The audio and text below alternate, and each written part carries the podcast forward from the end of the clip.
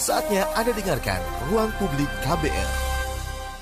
Selamat pagi, kita berjumpa kembali dalam ruang publik KBR dengan tema pagi hari ini pasal-pasal bermasalah di RKUHP. Setelah batal disahkan DPR periode lalu, RUU KUHP akan kembali dibahas oleh DPR. Dalam prolegnas Badan Legislasi DPR 2020 sampai 2024, RKUHP termasuk dalam 4 RUU yang pembahasannya akan dilanjutkan dari periode sebelumnya. Pembahasan RKUHP sempat menimbulkan polemik karena menguatnya perbedaan sikap terhadap pasal-pasal yang ada di dalamnya. Untuk menyegarkan kembali ingatan soal apa saja pasal-pasal yang diperdebatkan, dalam ruang publik kali ini akan dihadirkan wawancara dengan perwakilan kelompok masyarakat sipil terkait pasal-pasal RKUHP yang dianggap bermasalah. Kita buka dengan mendengarkan pemaparan Ketua Bidang Advokasi Yayasan Lembaga Bantuan Hukum Indonesia YLBHI Muhammad Isnur terkait apa saja pasal-pasal RKUHP yang dianggap bermasalah dan apa langkah yang bisa diambil untuk untuk menyelesaikan persoalan ini. Pak, gimana nih update soal RKUHP? Iya, pertama itu kan ada sekarang uh, istilahnya carry over. Mm-hmm. Tapi kan kita kalau kita melihat sebenarnya pemerintah ini tidak serius sebenarnya merespon dari masukan-masukan masyarakat gitu, tidak menerima dengan baik catatan-catatan dari masyarakat, keluhan-keluhan masyarakat gitu. Jadi sebenarnya Pak Jokowi ini harusnya uh, memberikan respon yang berbeda. Harusnya dengan dia misalnya kami merekomendasikan membentuk tim ahli. Mm-hmm gitu. Jadi ini kan ahli yang sekarang kan sudah stuck nih. Sementara kita, kita mendengar sebenarnya di kalangan uh, apa di kalangan para tim penyusun juga sebenarnya ada perbedaan pendapat, tapi karena istilahnya ada senioritas gitu gitu ya, ada ada ketuanya, jadi ada uhuh pekewuh gitu. Mm -hmm. Jadi kan semacam ada perbedaan mazhab di antara para perumus ini gitu. Mm -hmm. Nah, menurut kami harusnya dibongkar lagi, dibahas lagi secara maksimum, didengarkan lebih luas lagi gitu loh. Mm -hmm. Jangan kayak sekedar formalitas cuma ditunda, sekarang lagi cari waktu yang uh, kira-kira masyarakat lengah, masyarakat lupa, masyarakat nggak uh, merespon langsung disahkan gitu. Hmm. Itu harusnya. Jadi dan perbaikannya perbaikan yang cukup radikal, jangan cuma sekedar kata-kata saja gitu. Hmm. Sampai sejauh ini YLBH sendiri di, dilibatkan langsung nggak sih Pak? Ya kita bergabung dalam aliansi masyarakat sipil ya. uh, untuk reformasi KUHP, uh -huh. aliansi nasional kan. Nah kita bersama-sama, bersama-sama dan kami juga bertemu dengan banyak kelompok misalnya teman-teman keumatan ya KWI, PGI gitu sebenarnya mereka tuh kan khawatir dengan pasal-pasal terutama berkaitan dengan agama gitu. Iya. Jadi pemerintah harusnya lebih membuka lebih gitu, mengundang semua tokoh dan secara serius merespon masukan-masukan itu gitu. Hmm, hmm. Jangan cuma sekedarnya aja terus pasalnya nggak berubah banyak gitu-gitu loh. Mm-hmm. Kalau dari YLBI sendiri Pak yang menjadi concernnya ini kan ada banyak banget pasal-pasal di RKUHP iya, ini yang betul, menjadi betul. polemik juga. Yang menjadi ah. concern dari YLBI sendiri apa sih Pak? Kami ini kan YLBI ini banyak menerima masukan ya, banyak klien yang datang. Jadi sebenarnya YLBI ini spektrumnya sangat luas gitu. Mm. Misalnya soal uh, pasal 2 ayat uh, uh, pasal 2 soal living law ya ayat 1 uh, itu kan kita menerima banyak pendampingan masyarakat adat hmm Kemudian kelompok-kelompok minoritas, mm-hmm. ya kan. Mm-hmm. Terus juga uh, orang-orang yang sering dikriminalisasi di mana-mana. Jadi uh, mereka cerita sendiri dengan pasal seperti ini, pasal yang sangat karet, pasal yang memungkinkan misalnya mendorong hukum-hukum yang masyarakat menjadi mengkriminalkan mereka mereka mengeluh dan berbahaya buat mereka ini kan bisa kriminal banyak orang kira-kira hmm. sangat karet lah kira-kira gitu hmm. itu satu jadi catatannya BI ada sekitar tiga dua puluh tiga poin lebih lah uh, pokok-pokok pembahasan yang harusnya dibuka kembali gitu hmm. lumayan uh, banyak sih ya nah, pak ya pemerintah pemerintah hanya menganggap ada 14 pasal gitu uh -huh. karena menganggap tiga poin yang tadi juga yang soal tadi keumatan ya misalnya PGI KWI itu kan sekarang masih ada pasal tentang penodaan agama hmm itu kan pasal yang sangat karet gitu. Mm-hmm. Kemarin misalnya kita lihat uh, Gus Muafik misalnya Ahmad Muafik hanya karena dia ceramah, dia pidato dengan tafsirnya sendiri, dia dilaporkan penodaan agama. Mm-hmm. Ini kan sangat karet gitu. Mm-hmm. Nah pasal ini nggak direview sama DPR pemerintah gitu. Hmm. Seperti itu. Hmm. Tapi ini yang menjadi concern yang akan diobrolin ini Pak, ada beberapa yang saya ambil juga soal pasal-pasal susila dan juga pembatasan kontrasepsi dan juga aborsi. Hmm. Terus juga um, pasal penghinaan presiden dan juga ancaman kebebasan hmm. pers juga. Ya, terus betul, juga betul, betul. Um, potensi kebebasan ekspresi RUU Betul, keamanan itu, itu, itu yang itu Ya. yang kita bilang 23 poin tadi itu Heeh. di situ. eh, keamanan siber dan RUU PDP juga soal eh, ini juga nih Pak rencana TVRI jadi TV pemerintah dan juga dominasi swasta dan absennya negara soal migrasi digital dan TV. Kalau dari Pak Isnur sendiri dari beberapa yang poin tadi memang yang paling paling paling harus menjadi perhatian kita semua itu apa sih Pak masyarakat ya pada umumnya Pak. Gini, pertama kan gini, pertama pemerintah ini kan dalam tiga masa periode prolegnas ya, Mhm. 2004 2009 terus eh, terus ya 2009 2014 14 19 itu kan pemerintah dan DPR selalu gagal mencapai target prolegnas. Hmm. Prolegnas tahun eh, periode kemarin itu hanya mencapai 48 persen saja Mhm. dari 198 eh, prolegnas. Sekarang pemerintah ambisius mengubah 280 undang-undang memperbarui buat gitu dan dengan mimpi yang berlebihan lah kira-kira. Yang pertama sih menurut kami baiknya undang-undang yang diajukan itu yang terlalu banyak Mhm. ya kan fokus saja pada hal-hal yang lebih urgent dibutuhkan masyarakat. Dengan cara apa? Dengan cara riset yang sangat baik gitu. Hmm. jadi kalau kita lihat prolegnas yang periode besok ini kita lihat misalnya yang membahas tentang kebakaran hutan itu ada empat undang-undang. Jadi ada draft empat draft RUU yang dibahas hanya untuk membahas kebakaran hutan. Hmm. Itu sangat ego sektoral gitu. Jadi kementerian ini buat draft RUU EU undang-undang yang lain kementerian ini draft undang-undang yang lain itu nggak boleh begitu gitu. Mhm. Jadi baiknya sebenarnya pemerintah sesuai janjinya presiden membentuk pusat legislasi nasional. Pusat PLN inilah yang akan membahas, mereview, menyinkronkan, mengharmonisasi undang-undang yang ada karena problem sekarang adalah problem harmonisasi gitu. Mhm. Jadi an- antara undang-undangnya disharmonis Hmm. gitu. Nah, itu dikaji dengan serius sehingga prolegnas itu bukan prolegnas asal-asalan. Hmm. Prolegnas itu prolegnas prolegnas yang disusun dengan rencana dan pembahasan yang maksimum, riset yang ketat, eh, eh, yang sangat baik gitu ya, dengan survei masyarakat yang juga benar-benar membutuhkan gitu. Jadi ini menjawab kebutuhan masyarakat dan memang mudah di, untuk diaplikasikan. Mhm. Jadi jangan sampai buat undang-undang udah mahal-mahal terus dipraktekkan juga gagal gitu. Mhm. Seperti itu. Oke, terakhir nih Pak, seandainya ini tetap juga disahkan dengan pasal-pasal karet yang kita ada 30 dari rekomendasi LBH sendiri 30 lebih gitu ya Pak ya. Hmm. Eh, Apa yang harus dilakukan masyarakat nih Pak? Masyarakat tentu harus aktif eh, me- melototi, mengawasi, mencari tahu karena semua pasal itu berdampak pada mereka gitu. Setiap orang itu dari mulai bangun tidur sampai tidur lagi sampai tidurnya pun terancam oleh pasal-pasal pidana. Hmm. Setiap orang loh, setiap itu maksudnya setiap orang. Orang kalau salah tidur, bukan tidur di rumahnya misalnya, di- ditu- di- di- dituduh dituduh kumpul kebo misalnya ya kan, Hmm, hmm. dipidana, dilaporkan misalnya Hmm. gitu. Dan Pak Lurah setempat bisa melaporkan juga, itu kan bahaya gitu. Hmm. Jadi harus berperan aktif nih Pak ya. Intinya masyarakat harus benar-benar bisa eh, membaca dengan baik, mengikuti perkembangannya gitu. Terus juga jurnalis juga harus juga terus memantau karena jurnalis dan semua elemen eh, pekerja media juga terancam oleh pasal-pasal ini. Misalnya pasal-pasal menyangkut contempt of court kan. Ya. Jurnalis memberitakan berita terus dianggap menghina pengadilan, Ya. dilaporkan gitu kan seperti jangankan jurnalis, Mhm. juru bicara Komisi Yudisial ya Pak Barit Wajdi yang dalam tugasnya sebagai pejabat negara dilaporkan dan dikriminalkan sebagai ter- tersangka sekarang Hmm.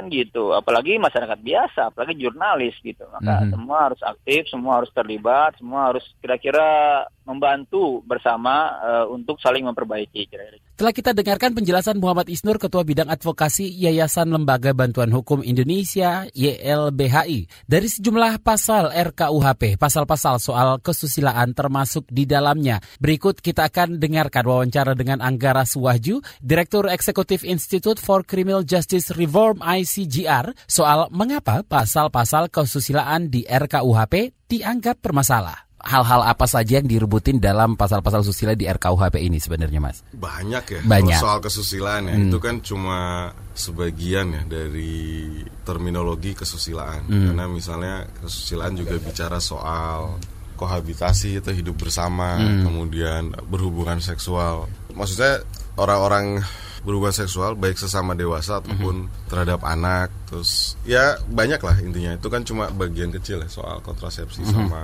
soal aborsi Oke, mari kita berbicara soal kontrasepsi dan aborsi. Apalagi yang mau diatur di sini, kontrasepsi dan aborsinya? nggak ada yang diatur Nggak ada yang diatur baru. sebenarnya. Yang baru nggak ada. Nggak ada. Sebenarnya itu kan aturan lama. Oke. Kontrasepsi juga diatur di KUHP kita yang sekarang. Aha. Aborsi juga demikian. Malah ada tambahannya di Undang-Undang Kesehatan dengan di Undang-Undang Pelindungan Anak lah. Hmm, hmm. Nah, cuma kan jadi pertanyaan sama kita adalah tujuan pengaturan lagi dalam tanda kutip ya. Oke. Itu untuk apa sebetulnya? Karena kalau alasannya kita bicara kesehatan masyarakat, justru promosi alat-alat kontrasepsi itu harusnya diperbolehkan. Karena kan secara faktual meskipun kita punya sekarang dari tahun 70 itu tidak pernah ada penuntutan terhadap promosi alat kontrasepsi karena pemerintah pada waktu itu menggalakkan keluarga berencana. Keluarga berencana. Hmm. Nah, sehingga penuntutan terhadap promosi alat-alat kontrasepsi itu memang dalam tanda kutip itu tidak lagi dilakukan. Jadi hmm. pasalnya masih ada, ketentuannya masih ada, tapi kemudian dia tidak pernah dilakukan penuntutan sejak tahun 70. Nah, artinya kan harusnya dilakukan evaluasi dong. Kalau dari tahun 70 apa yang salah misalnya? Kalau apa ada kemudian gejala yang dimaksudkan oleh pemerintah ini kan bicara soal moral ya. Apakah ada kemudian gejala moral yang sedemikian gawat sehingga pemerintah berupaya untuk dalam tanda kutip menghidupkan lagi atau justru ya ini cuma ya sebetulnya meneruskan tradisi lama tanpa ada evaluasi terhadap aturan pidana. Itu yang kita bicara kontrasepsi ya. Jadi kalau kalau kita bicara soal aturan pidana kan atau aturan ya secara umum dia harus dilakukan evaluasi secara reguler. Bisa lima tahun, bisa 10 tahun untuk melihat apakah masih perlu dilakukan dilakukan pengaturan pidana hmm. terhadap satu subjek tertentu misalnya hmm. atau satu peristiwa hukum tertentu. Hmm. Nah, setahu saya sih atau setahu kami ya itu tidak pernah tuh ada ada evaluasi terhadap terutama alat kontrasepsi itu tidak pernah ada evaluasi. Jadi sehingga kita pertanyakan karena tu, pemerintah dan DPR murni tujuannya mengatur moral karena itu bukan tujuan hukum pidana sebetulnya. Ngapain moral diatur-atur gitu ya? Bukan. Bukan seperti bukan itu tujuan. Itu silahkan aja, tapi bukan itu tujuan hukum pidana gitu. Tujuan hukum pidana itu tidak untuk mengatur moral, gitu, tapi untuk menciptakan tertib sosial. Nah, apakah dengan kalau kondisi sekarang pasalnya ada tapi tidak pernah digunakan, apakah ada tertib sosial yang terganggu? Kan nggak ada juga. Gitu. Artinya pilihannya cuma ada dua kita hilangkan atau ya seperti sekarang aja gitu. nggak usah ditambah-tambahin lagi nggak usah ditambahin aneh-aneh hmm. gitu. kalau dihilangkan emang nggak ada aturan sama sekali dong itu malah menjadi kayak aturannya jadi administratif okay. jadi misalnya jadi tidak jadi lagi hmm. jadi hukum pidana itu kan ada dua ya yeah. ada hukum pidananya itu sendiri ada hukum pidana yang sifatnya administrasi sebetulnya pengaturan soal alat kontrasepsi itu bisa diletakkan dalam pidana administrasi jadi misalnya kalau kita mau mencegah anak-anak supaya tidak mengakses pilihannya kan sebetulnya berarti pidananya pidana administrasi, hukum administrasi. Jadi kalau toko-toko yang menjual ya diharapkan tidak menjual ke anak-anak. Ke anak-anak. Ah, jatuhnya seperti itu ya, ya jadinya. Ya, betul. Sehingga kalaupun yang akan dikenai sanksi adalah yang punya toko, bukan anaknya, okay. bukan juga pegawainya misalnya karena sanksinya sanksi administratif ya itu ditujukan terhadap korporasi tertentu. Bukannya selama ini sudah seperti itu ya? Enggak, enggak ada.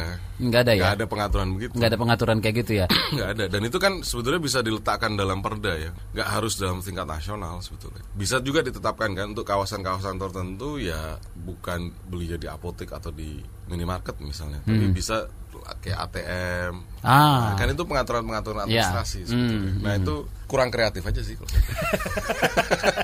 Pikirannya memang mau menjarakan orang. Mau menjarakan orang, orang, pikirannya itu mulu ya. Iya. Mas Anggara koreksi saya kalau salah ya. Aturan ini kehamilan dan kontrasepsi ini ya, hmm. itu eh, baru saya lihat aturan ini tertera dalam pasal 414 RKUHP benar ya? Ya, yang berbunyi setiap orang yang secara terang-terangan mempertunjukkan, menawarkan, menyiarkan tulisan atau menunjukkan untuk dapat memperoleh alat pencegah kehamilan kepada anak dipidana dengan pidana denda paling banyak kategori satu atau maksimal satu juta rupiah. Iya, itu dia makanya kan itu harus diletakkan menurut saya sih harus diletakkan dalam konteks hukum administrasi.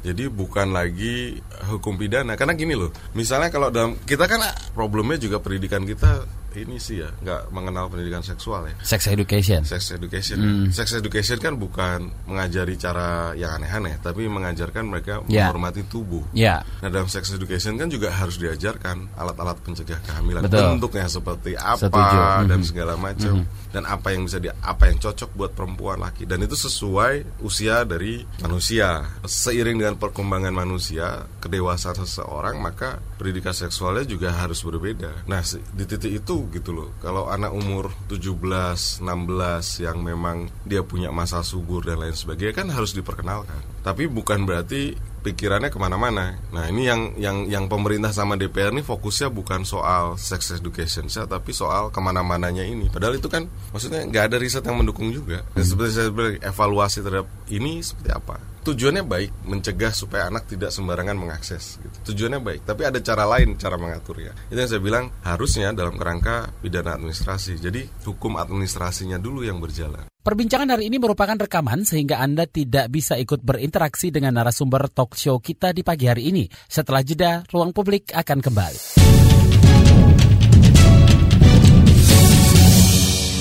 Anda masih mendengarkan Ruang Publik KBR yang pagi ini mengangkat tema pasal-pasal bermasalah di RKUHP. Dan berikut kita akan kembali menyimak perbincangan dengan Anggara Suwaju, Direktur Eksekutif Institute for Criminal Justice Reform ICGR, soal pasal kesusilaan di RKUHP. Malah kalau dibilang ini ada aturan yang baru nih di RKUHP, bukannya membuat orang menjadi apa ya tabu untuk mendapatkan alat kontrasepsi. Let's say kondom. Justru itu. Ya, misalnya kalau membeli kondom di supermarket misalnya, begitu kita ngambil orang ngelihatnya makin aneh aja gitu loh. Makin membuat orang seperti itu nggak sih? Sekarang juga kan pasti seperti Iya, itu. iya. Karena kan ada Bawa ke kasir ngelihat kasirnya juga ngelihatnya.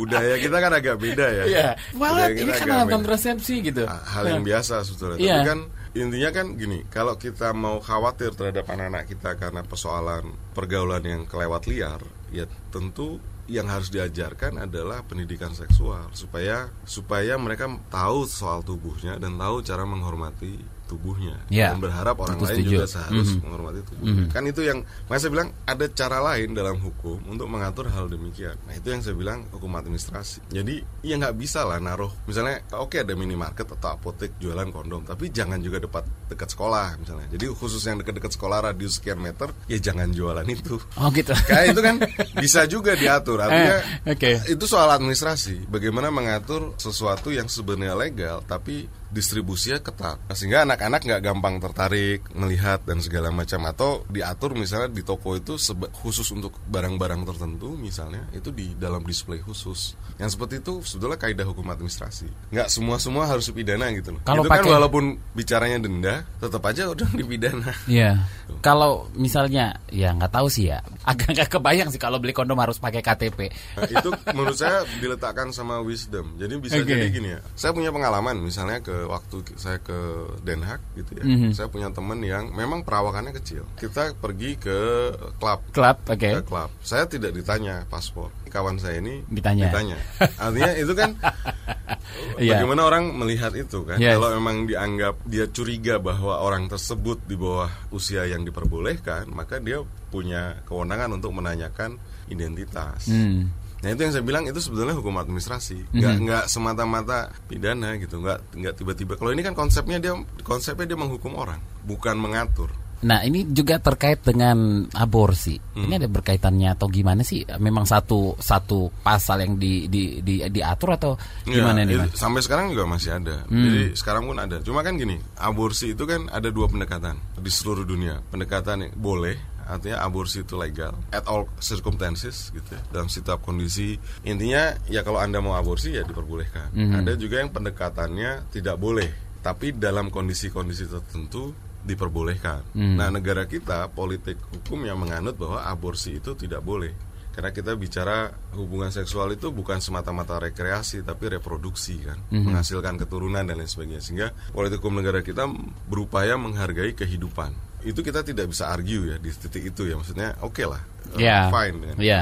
Nah, tapi dalam jadi kalau kita umpamakan gini, kalau kita mau beli apa pun pasti ada term and condition yang berlaku kan. Betul. Jadi kalaupun aborsi dilarang, tapi ada term and condition yang berlaku supaya aborsi itu diperbolehkan. Nah itu dalam kaitannya kalau kita mintanya adalah kalau terjadi kehamilan yang tidak diinginkan Mhm. yang dilakukan dengan kekerasan, artinya eh, kekerasan seksual, perkosaan yang kemudian mengakibatkan kehamilan itu kan harus diperbolehkan supaya dia bisa safe abortionnya jalan. Jadi aborsi itu tindakan yang berbahaya sebetulnya, berbahaya bagi si ibu, Si ibu ya. Eh, Ya kesehatan si ibu sih lebih kesehatan si utamanya. ibu Ah. terutama ya. Kedua, supaya dia punya support system di keluarganya. Jadi Hmm. tidak dipandang sebagai sesuatu yang hina. Kalau itu dilegalkan secara hukum, maka itu bukan sesuatu yang hina untuk dilakukan. Hmm. Dalam konteks ini, politik yang hukum yang kita anut seperti itu. Jadi aborsi dilarang, tapi diperbolehkan dalam kondisi tertentu. Misalnya mengancam keselamatan si ibu, atau misalnya kehamilan itu terjadi karena perkosaan. Sekarang pun berlaku seperti Yang berlaku itu. seperti itu kan. Ya, tapi kalau di KUHP nggak ada pengecualian itu. Dia Ah. total ban. Dipukul rata gitu deh. Ya, total ban. Kalau KUHP, kalau kita bicara KUHP yang sekarang, Iya. itu total ban. Total band. Oke. Nah, tapi kalau di Undang-Undang Kesehatan ada pelunakan terhadap aturan. Itu saya bilang pengecualian dalam kondisi-kondisi Iya. tertentu. Nah, karena pemerintah pengennya lagi ngetren omnibus, jadi saya nggak mau bilang kodifikasi, omnibus omnibusan. Oke.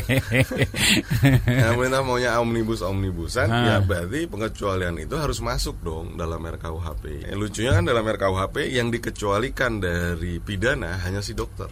Pertanyaannya, emang dokternya bisa kerja sendirian?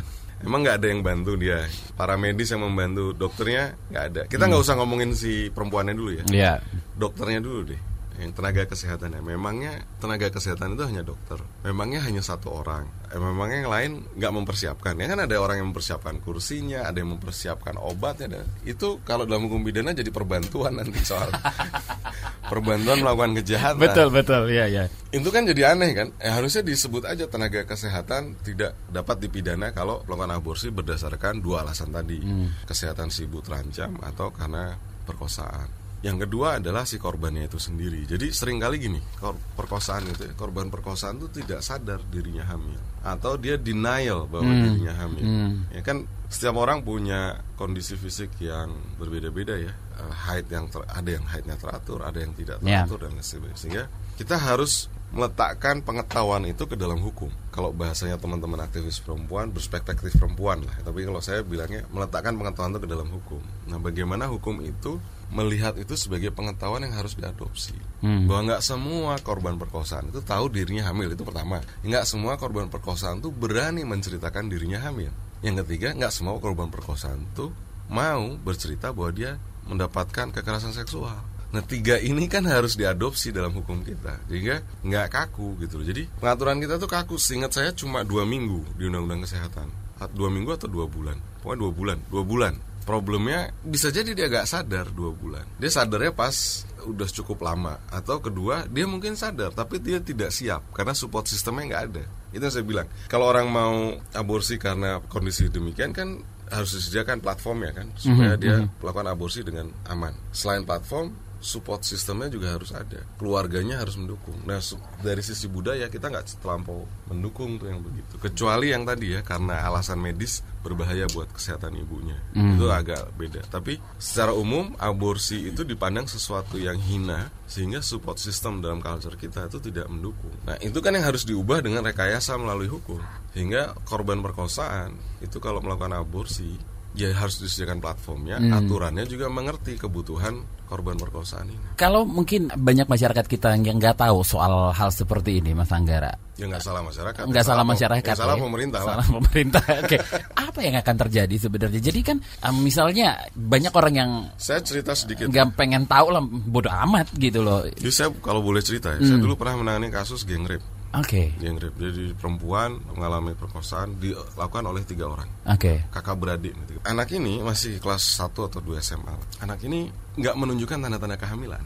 Orang tuanya juga nggak sadar. Baru tahu ketika dia mengeluh sakit perutnya dibawa ke rumah sakit hmm. dan within days dia melahirkan. Nah itu orang tuanya shock kan. Uh -huh. Siapa kenapa bisa hamil apa dan segala karena uh -huh. anaknya nggak pernah cerita dan nggak ada nggak ada yang bisa dilakukan ya kan sudah ada loh kondisi seperti itu yeah. gitu. nah itu kan yang harus dipahami oleh para pembentuk hukum agar tidak kemudian membuat itu menjadi tidak aksesibel terhadap korban perkosaan nah ini yang yang menurut saya ini yang tidak bijak dari jadi RKUHP berupaya merelaxing aturan dengan mengadopsi aturan dua bulan tapi tetap Gak begitu ceritanya. Dari sisi pengetahuan, ya korban tadi saya bilang korban perkosaan itu bisa jadi tidak tahu dirinya hamil, bisa jadi dia tahu dirinya hamil, tapi dia tidak mau bercerita karena itu soal culture ya. Belum tentu juga korban perkosaan itu mau juga bercerita terhadap orang-orang terdekat itu sesuatu yang rumit ya itu kan apa ya guncangan yang terapi guncangan jiwa yang sangat luar biasa karena serangan terhadap tubuhnya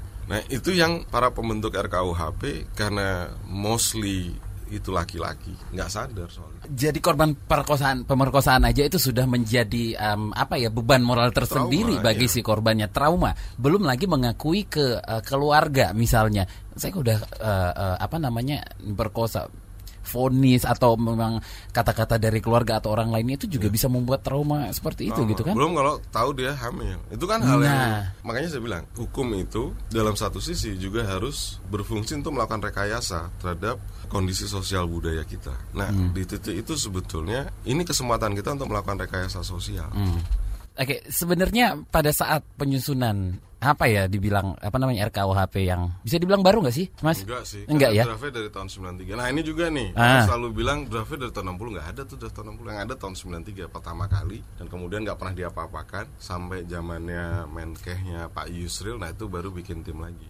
Berarti nggak baru gimana dong bilangnya RKUHP yang sekarang ini Nggak baru-baru amat. Ya, nggak baru. juga nggak lama-lama amat, nggak baru-baru amat. dalam memasukkan pasal-pasal atau memang pidana hukum-hukumnya tadi itu kayak teman-teman dari ICGR atau lembaga umum lainnya tuh dilibatkan nggak sih? Nah ini dia makanya kan kita selalu call kita ya saat ini adalah kalau mau meneruskan pembahasan RKUHP maka kita minta agar presiden membentuk komite ahli yang diperluas. Jadi tim ahli yang sekarang nggak apa-apa, tapi perlu ada orang-orang dari berbagai latar belakang keilmuan supaya misalnya ahli kesehatan juga mungkin tadi saya bilang bagaimana pengetahuan itu diadopsi sama hukum kan. Yang begitu-begitu kan hanya diketahui oleh ahli kesehatan sama psikolog. Ini kan isinya orang pidana semua dan orang Tim pidana ahlinya yang sekarang itu. tim ahlinya sekarang udah gitu minus perempuannya sedikit pula.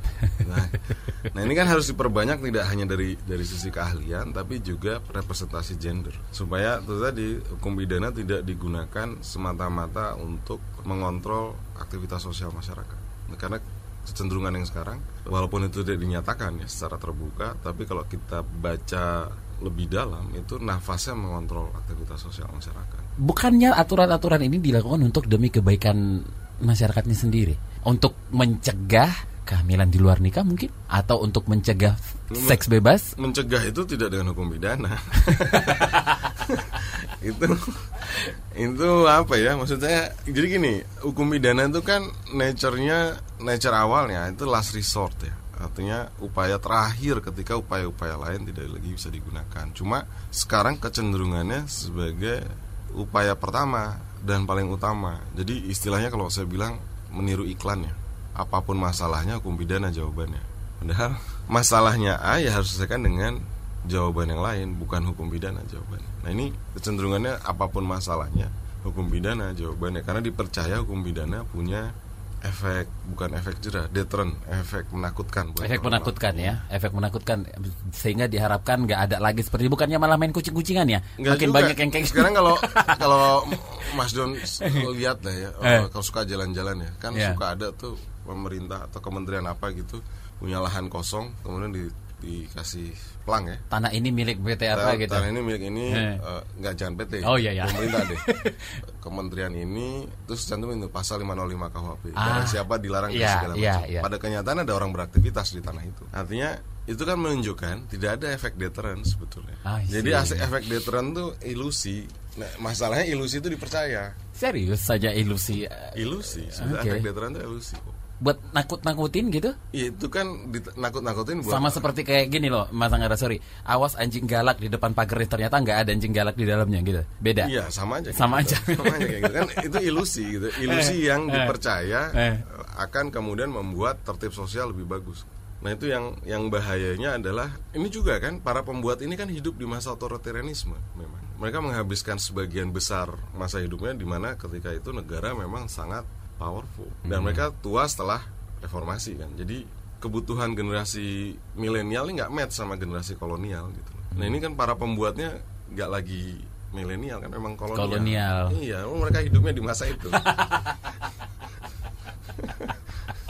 Oke, tapi sebenarnya ya em, apa sih yang harus diketahui masyarakat soal pasal-pasal pembatasan kontrasepsi dan aborsi ini? Kalau ini jadi ngetok jadi deh gitu. Ah. Ya masa kita nggak bisa beli alat kontrasepsi sih, let's say kondom gitu itu loh. bisa beli cuma yang nggak boleh itu kan memang memperlihatkan kepada anak terus memperlihatkan jadi memperlihatkan kepada umum itu boleh tapi Memperlihatkan kepada umum boleh. tapi Berarti dia iklan harus- boleh ya? nah, nah itu jadi perdebatan kan Ya kan? Mau- tapi dilakukan oleh petugas yang ter dalam saya bahasa bukan lisensi tapi petugas ya kira-kira dia petugas yang terverifikasi lah rejimnya jadi rejim lisensi.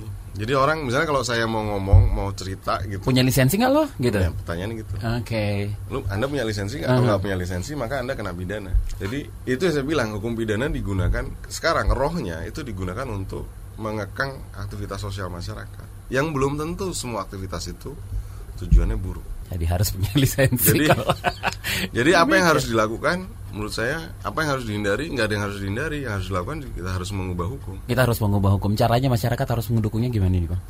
Mendukungnya. Eh, nanti kalau saya mendukungnya kayak gini saya nggak iya. mendukungnya menurut saya bisa dengan cara kirim email misalnya uh. ke anggota DPR kalau mereka tahu kan ada ya alamat email dari sekretariat Komisi 3 di DPR untuk menyatakan atau mungkin kebetulan di dapilnya dia itu milihnya gitu. Ya, atau bisa kebetulan juga. itu iya. bisa disampaikan yeah. juga. Uh. Atau bisa juga melalui kami di Aliansi Nasional Reformasi KUHP. Dukungan-dukungan itu penting gitu. Atau hmm. kalau dengan cara yang sekarang ya bikin konten di Instagram kah, di media sosial untuk ngomong dukungan dia untuk kita harus mengubah hukum. Jadi kami nggak tahu motorik menghindari bagaimana cara menghindarinya. Yang paling penting adalah mengubah hukum itu bukan menghindari hukum. Hingga pukul 10 nanti Anda masih mendengarkan ruang publik KBR yang di Jakarta bisa didengarkan di 89,2 Power FM dan kita masih membahas pasal-pasal bermasalah dalam RKUHP. Berikutnya yang akan kita bahas adalah pasal penghinaan presiden dan ancaman kebebasan pers. Kita simak wawancara berikut ini dengan Gading Yonggar, Kepala Bidang Advokasi LBH Pers. Langsung saja sebenarnya hmm. yang mau kita obrolin itu adalah pasal penghinaan presiden. Ya. Seperti apa sih pasal penghinaan presiden ini sebenarnya? Kalau kita runut ke sejarahnya ya, ya. ini kan sebelum kita masuk ke RKUHP yang versi terupdate, mm -hmm. sebenarnya KUHP kita ini kan warisan Belanda Belanda pun mengadopsi dari Prancis. Jadi sumbernya banget tuh sebenarnya Prancis. Belanda oh, okay. mengadopsi Prancis, okay. kemudian karena Belanda menjajah Indonesia selama tiga setengah abad, jadi dulu nama KUHP dulu dulu tuh namanya WVS versi versi Belanda, mm. Wetboek van Strafrecht voor Nederland Indies. Mm -hmm. Nah kemudian setelah Indonesia merdeka, ada satu undang-undang transisi, namanya Undang-Undang Nomor 1 Tahun 46. Undang-undang itu adalah undang-undang transisi dari WVS ke KUHP. Mm. Nah tapi ada beberapa pasal yang krusial, banyak malah ya pasal KUHP yang versi sekarang nih yang berlaku berlaku terkait dengan penghinaan presiden wakil presiden. Jadi secara konsep dan rumusan dulu itu sebelum di convert ke KUHP setelah kemerdekaan, dulu konsepnya adalah penghinaan ditujukan kepada ratu dan raja.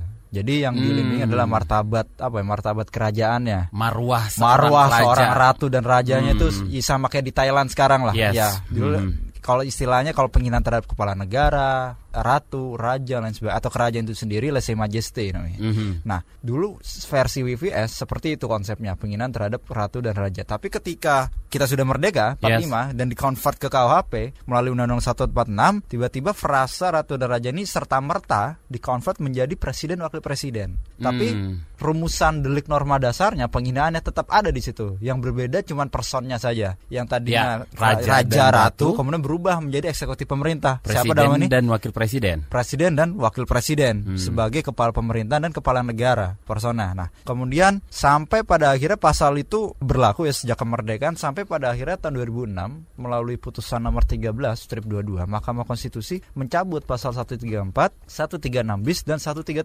MK sudah mencabut pasal tentang penghinaan presiden wakil presiden saat itu. Hmm. Nah, dalam pertimbangan MK secara jelas menyatakan bahwa satu ya, yang yang paling penting ada dua poin di sini. Satu, oke, okay, presiden wakil presiden berhak mendapatkan privilege selaku kedudukannya. Tetapi privilege yang dimaksud adalah kita harus menghormati kedudukan tersebut secara protokoler. Hmm. Presiden wakil presiden mendapatkan privilege keistimewaan dalam yeah. hal apa? Protokoler kinerja, yeah. fasilitas, penunjangan dan lain sebagainya. Kita sepakat dalam hal itu. Hmm. Tapi mengenai martabat kemudian kedudukan secara personal presiden wakil presiden tersebut juga harus disamakan dengan warga negara lainnya karena berdasarkan prinsip equality before the law. Persamaan okay kedudukan di hadapan hukum mau presiden Betul. mau menteri hakim mm -hmm. dan sebagainya semua orang sama kalau bicara martabat secara individual. Yeah. kemudian ketiga adalah pertimbangannya frasa penghinaan sendiri secara eksplisit MK mengatakan kita akan menimbulkan ketidakpastian hukum di situ. Ketidakpastian hukumnya seperti apa? Kita menjadi kesulitan menafsirkan ya atau merumuskan suatu penafsiran tunggal apa yang membedakan kritik menyampaikan pendapat ekspresi dan juga menghina. Nah karena frasa penghinaan itu menimbulkan ketidakpastian hukum MK mencabut pasal tersebut hmm. 134 136 dan 136 bis dan 137 yang bertahun-tahun lamanya itu berlaku gitu kan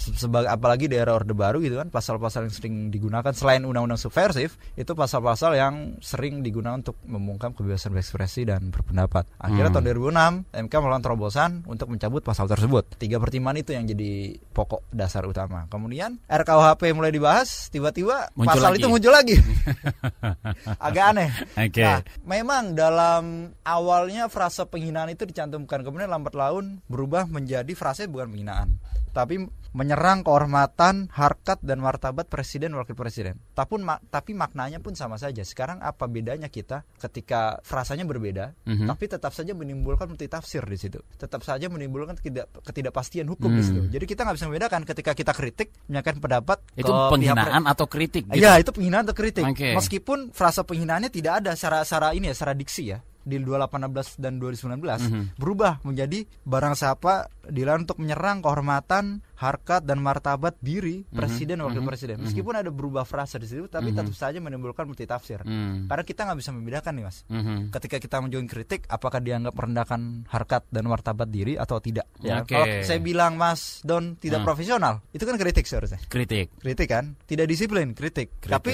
bisa saja karena frasa yang multitafsir seperti ini okay. diarahkan untuk oh, lu merendahkan harkat dan martabat gue, gue profesional kan hal, hal seperti itulah. Okay. Problematikanya. Hmm. Karena apa ya pemikiran seseorang itu kan tidak ada yang membatasi ya dari berpikir hmm, seseorang hmm. apalagi menyangkut dengan menyangkut tentang sebuah pemimpin siapa pun lah pemimpinnya hmm. presiden wakil presiden perdana menteri raja atau lain sebagainya bukankah itu menjadi satu privilege yeah. seorang presiden dan hmm. wakil presiden yeah. ya iyalah gitu seorang okay. pemimpin di mana hmm. kembali lagi tadi yeah, yeah, Mas yeah. Gading bilang itu kayak raja dan ratu, ratu menjaga marwah mereka marwah ya mereka. mereka juga pemimpin negara kita yeah. harus ada marwahnya juga dong. Iya. Kalau bicara marwah kita sepakat. Kalau bicara marwah secara martabat, hmm. setiap orang pun berhak dijaga marwahnya gitu kan. Betul. Tapi dan... bicara privilege hmm. sudah dijawab dengan putusan MK sebenarnya. Batasan privilege yang diberikan kepada presiden dan wakil presiden itu sejauh apa? Mengenai harkat dan martabat itu harus disamakan kedudukannya dengan warga-warga sipil lainnya. Karena berdasarkan prinsip equality before the law, tiap orang harus disamakan kedudukannya di hadapan hukum. Salah satunya mengenai harkat dan martabatnya. Tapi mengenai fungsi dia sebagai pre, sebagai apa ya? Presiden wakil presiden. Ya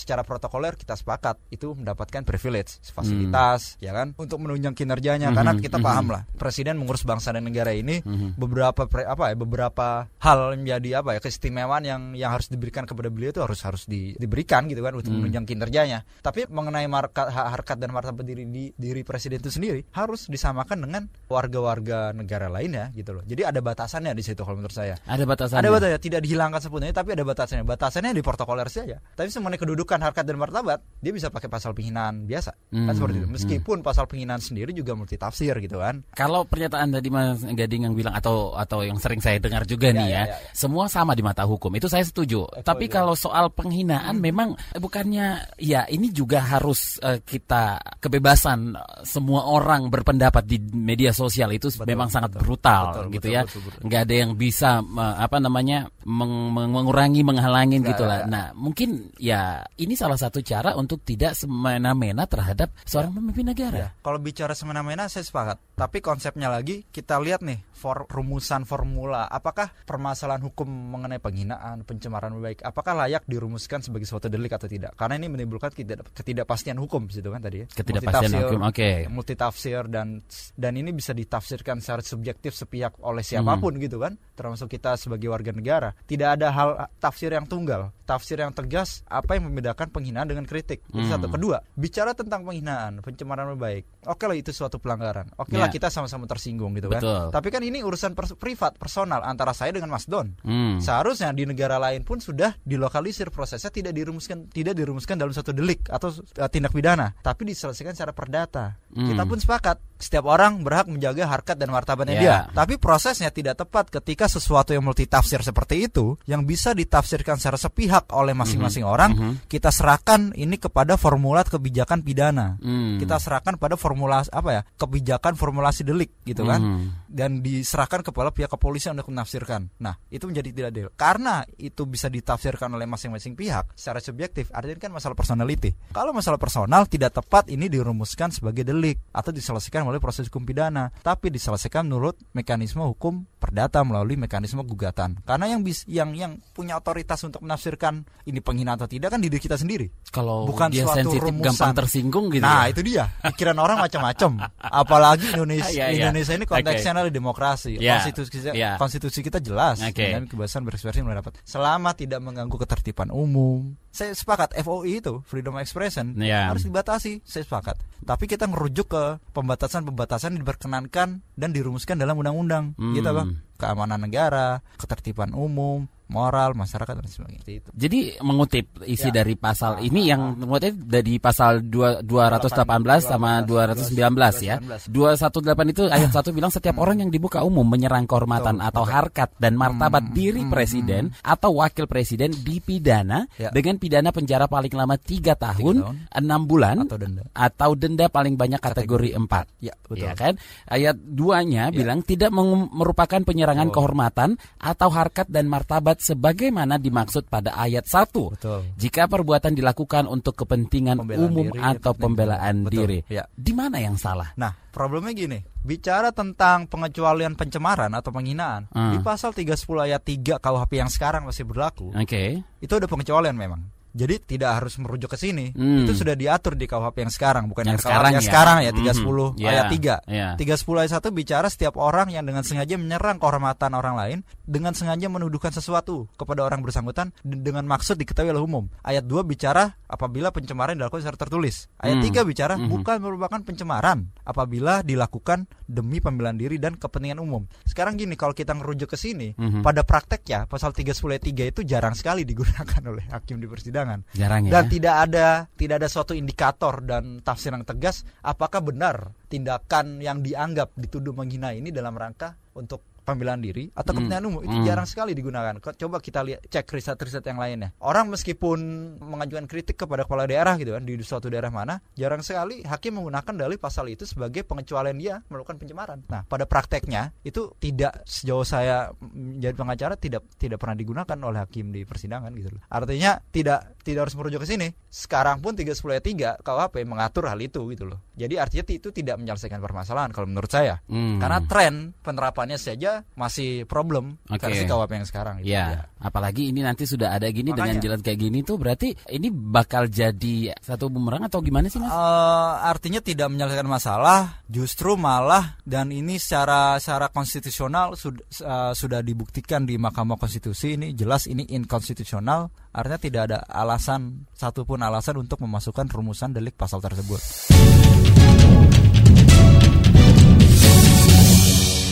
Kita tiba di bagian akhir ruang publik KBR hari ini dan bagi Anda yang tidak sempat mendengarkan siaran ini secara utuh, bisa mendengarkannya kembali di podcast kbrprime.id lalu pilih ruang publik. Kembali kita simak perbincangan dengan Gading Yonggar, Kepala Bidang Advokasi LBH Pers terkait pasal-pasal penghinaan Presiden dan ancaman kebebasan pers yang ada di dalam RUU KUHP. Kita ke pasal 219 Ya. yang eh, berbunyi seperti ini. Setiap orang yang menyiarkan, mempertunjukkan, atau menempelkan tulisan atau gambar sehingga terlihat oleh umum, memperdengarkan rekaman sehingga terdengar oleh umum, atau menyebarluaskan dengan saran teknologi informasi yang Ya. berisi penyerangan kehormatan atau harkat dan martabat terhadap presiden atau wakil presiden dengan maksud agar isinya diketahui atau lebih diketahui umum Ya. dipidana dengan pidana penjara paling lama 4 tahun 6 bulan Ya. atau denda paling banyak kategori 4. Ya. Ini, Ini masalah di mana sama lagi? aja. Eh, Sama aja? sebenarnya frasa yang isu-isu krusial 218 dan 219 adalah frasa mengenai dianggap menyerang kehormatan, mart- harkat, martabat diri presiden